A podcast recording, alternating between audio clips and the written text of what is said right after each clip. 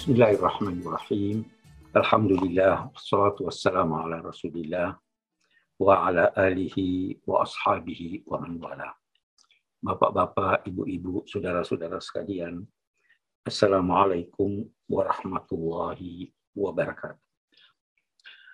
Uh, tema yang dipilih malam ini adalah keberanian, optimisme, berlandaskan keimanan. Tiga uh, kata yang dikandung oleh topik ini masing-masing mempunyai pengertian dan dia kait berkait khususnya dalam konteks kehidupan manusia, kehidupan muslim. Eh,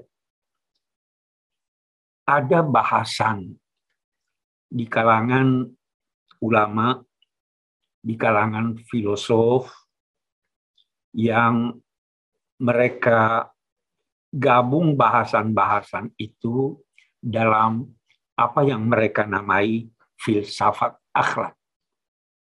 Mereka sejak zaman Yunani kuno sudah membicarakan, sudah membahas apa yang dinamai baik, apa yang dinamai buruk. Eh, pakar-pakar Islam pun membahas soal ini dan pendapat mereka sangat beragam, bahkan terkadang terasa bertolak belakang. Ulama-ulama Islam atau sebagian supaya lebih tepat kita eh, yang berkecimpung dalam bidang filsafat akhlak merumuskan bahwa kebaikan itu banyak. Tetapi ada di antaranya yang merupakan keutamaan dari kebaikan itu. Kebaikan itu bertingkat-tingkat. Tapi ada yang paling utama. Mereka kemudian merumuskan empat hal yang paling utama dalam konteks kebaikan. Keempat hal ini mestinya menyatu pada diri setiap insan supaya dia dinilai memiliki kebaikan, memiliki akhlak, memiliki budi pekerti yang unggul.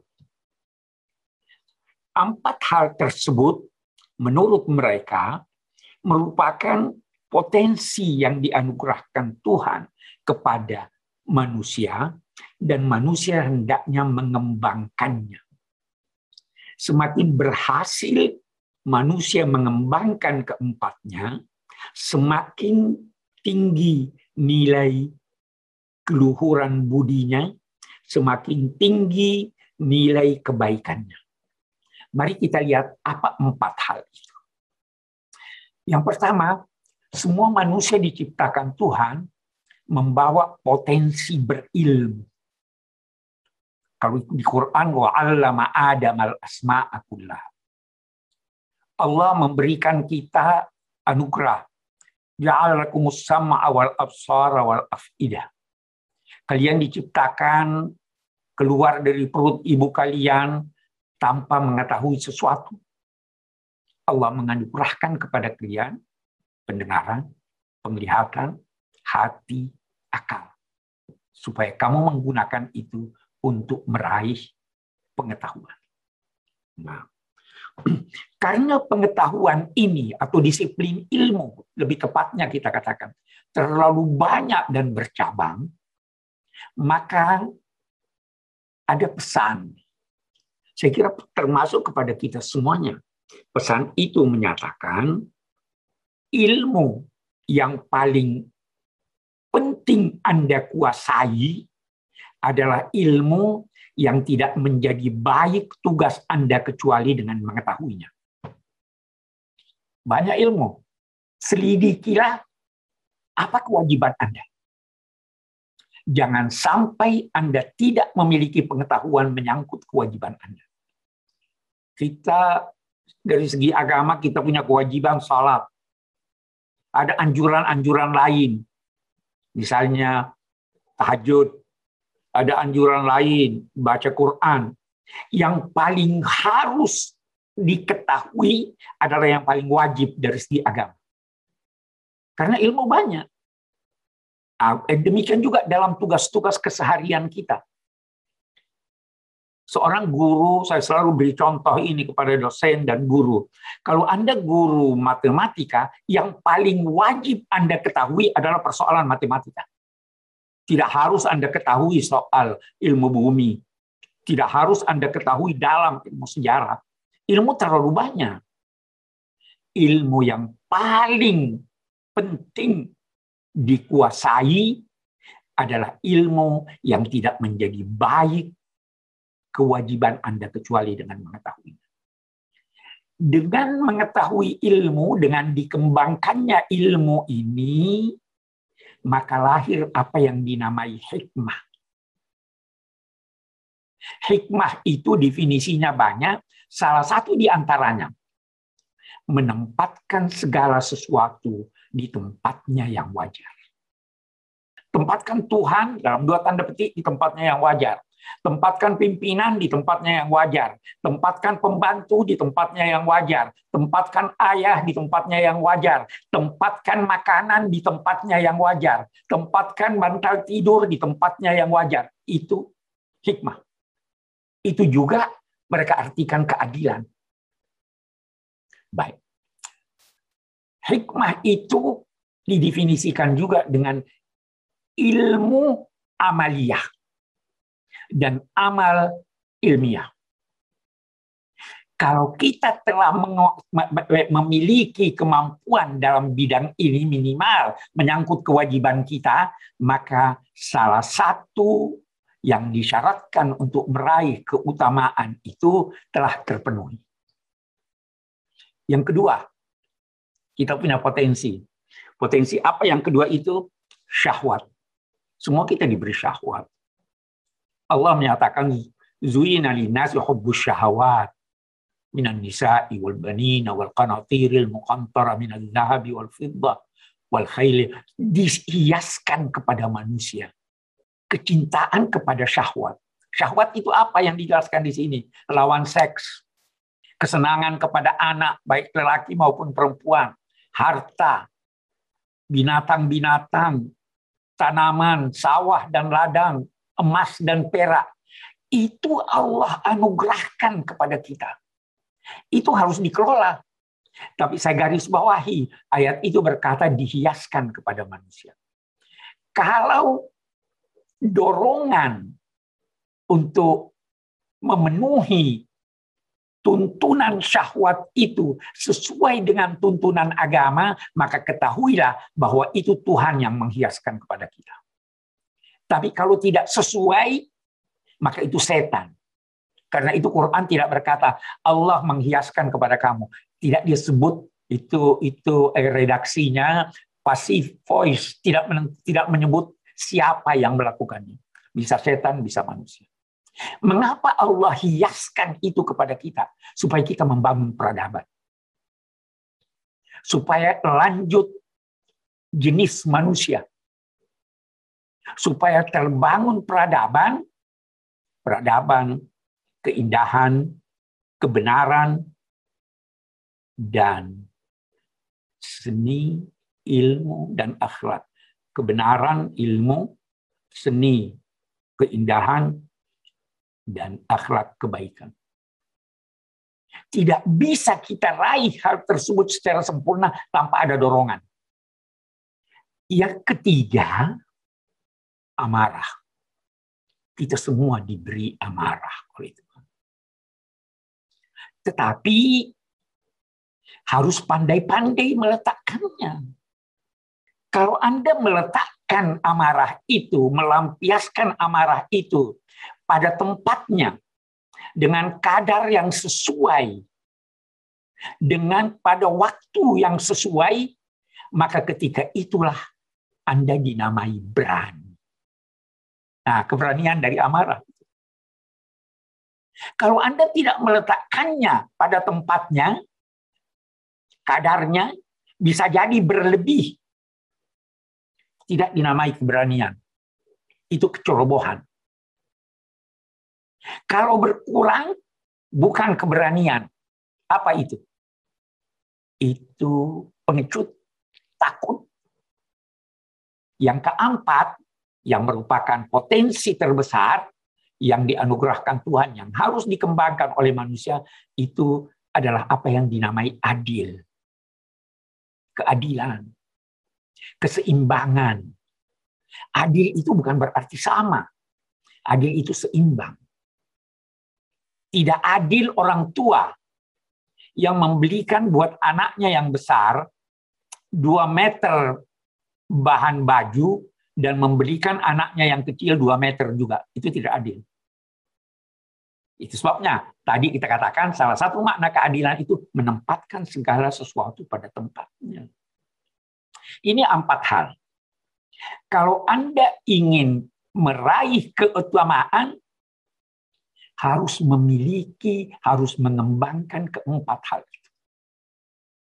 Itu eh, pakar-pakar memberi eh, contoh eh, siapa yang dinamai orang tampan, siapa yang dinamai cantik. Mereka berkata ada empat. Lihat wajahnya, matanya harus bagus, hidungnya harus bagus, bibirnya harus bagus, pipinya harus bagus. Kalau perlu ada lesungnya. Oh itu gagah, cantik orang itu. Tapi kalau cuma hidungnya, cuma bibirnya, tapi matanya buruk, dia tidak tampan. Empat hal ini harus menyatu. Demikian juga dengan kepribadian seorang yang dinamai telah mencapai keutamaan. Nah, tentu bertingkat-tingkat. Itu itu itu yang dijelaskan di dalam eh, sebagian uraian tentang filsafat akhlak menyangkut kebajikan. Sekarang kita eh, melangkah melihat soal keberanian.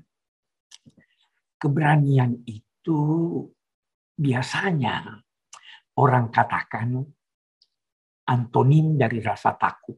Itu dari segi bahasa itu betul. Tapi pada hakikatnya tidak sepenuhnya eh, pengertian kebahasaan itu difahami oleh para filosof. Keberanian itu bukan berarti tidak ada rasa takut. Bukan berarti menghapus rasa takut. Keberanian itu pasti ada rasa takut. Tetapi Ketika Anda mampu menanggulangi rasa takut itu dengan tepat dan sesuai, kalau tidak ada rasa takut, ya tidak perlu berani dong. Jadi keberanian bukan ketiadaan rasa takut, tetapi kemampuan menghadapi rasa takut tersebut sesuai kadarnya, waktunya, saatnya, dan sebagainya. Takut itu bermacam-macam. Ada takut yang bukan pada tempatnya. Ada takut yang kita tidak bisa atasi. Ada takut yang kita bisa atasi dengan upaya kita. Takut tua bisa diatasi tuanya. Eh, itu resiko hidup. Tidak bisa diatasi. Takut mati tidak bisa diatasi. Tapi ada kiatnya untuk mengatasi. Kalau Anda berani hidup, harus berani mati juga jangan melangkah untuk melakukan sesuatu yang Anda namakan keberanian tanpa Anda mengetahui apa dampak dari langkah Anda. Anda harus berhitung bahwa kalau dampak itu tidak dapat tertanggulangi, maka Anda harus mencari jalan lain agar tertanggulangi. Tapi bukan berarti tidak ada rasa takut, bukan berarti tidak ada risiko.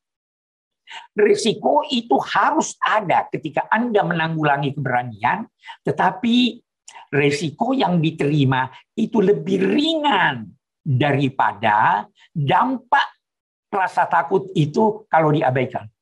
Kalau semua sudah jelas, akibatnya sudah jelas, itu bukan keberanian. Jadi keberanian harus ada rasa takut. Ah, rasa takut bermacam-macam.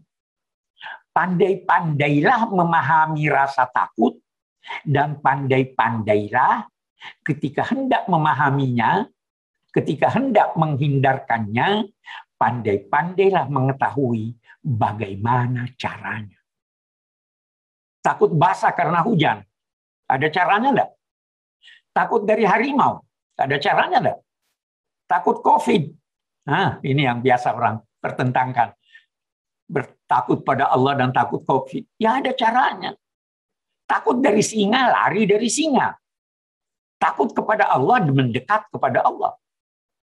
Takut tidak lulus ujian, belajar. Jadi ada cara-cara untuk menyukseskan keberanian kita. Jadi jangan pertentangkan. Saya di sini ambil payung karena takut hujan. Hari ini tidak hujan, saya tidak ambil payung. Anda harus punya pengetahuan bagaimana menanggulangi itu. Jadi takut menanggulanginya atau berani melangkah harus didahului oleh pengetahuan. Tanpa pengetahuan, Anda akan gagal. Saya kira dalam manajemen juga begitu. Itu sebabnya ada studi kelayakan. Itu sebabnya ada SWOT. Mengetahui kekuatan kita, mengetahui kelemahan kita, mengetahui tantangan, mengetahui opportunity. Baru berani. Kalau tidak, gagal keberanian. Bukan itu yang diajarkan agama. Jadi eh, berani seperti itu. Eh, eh, eh, memang ada resikonya. Harus diperhitungkan risikonya. Apakah pengorbanan yang akan diberikan sesuai dengan harapan yang kita dapat. Itu keberanian. Harus ada disertai dengan pengetahuan. Jadi jangan memberanikan diri kecuali dalam hal yang Anda harapkan manfaatnya jauh lebih baik, lebih banyak daripada risiko yang Anda akan tanggung. Itu pesan ini.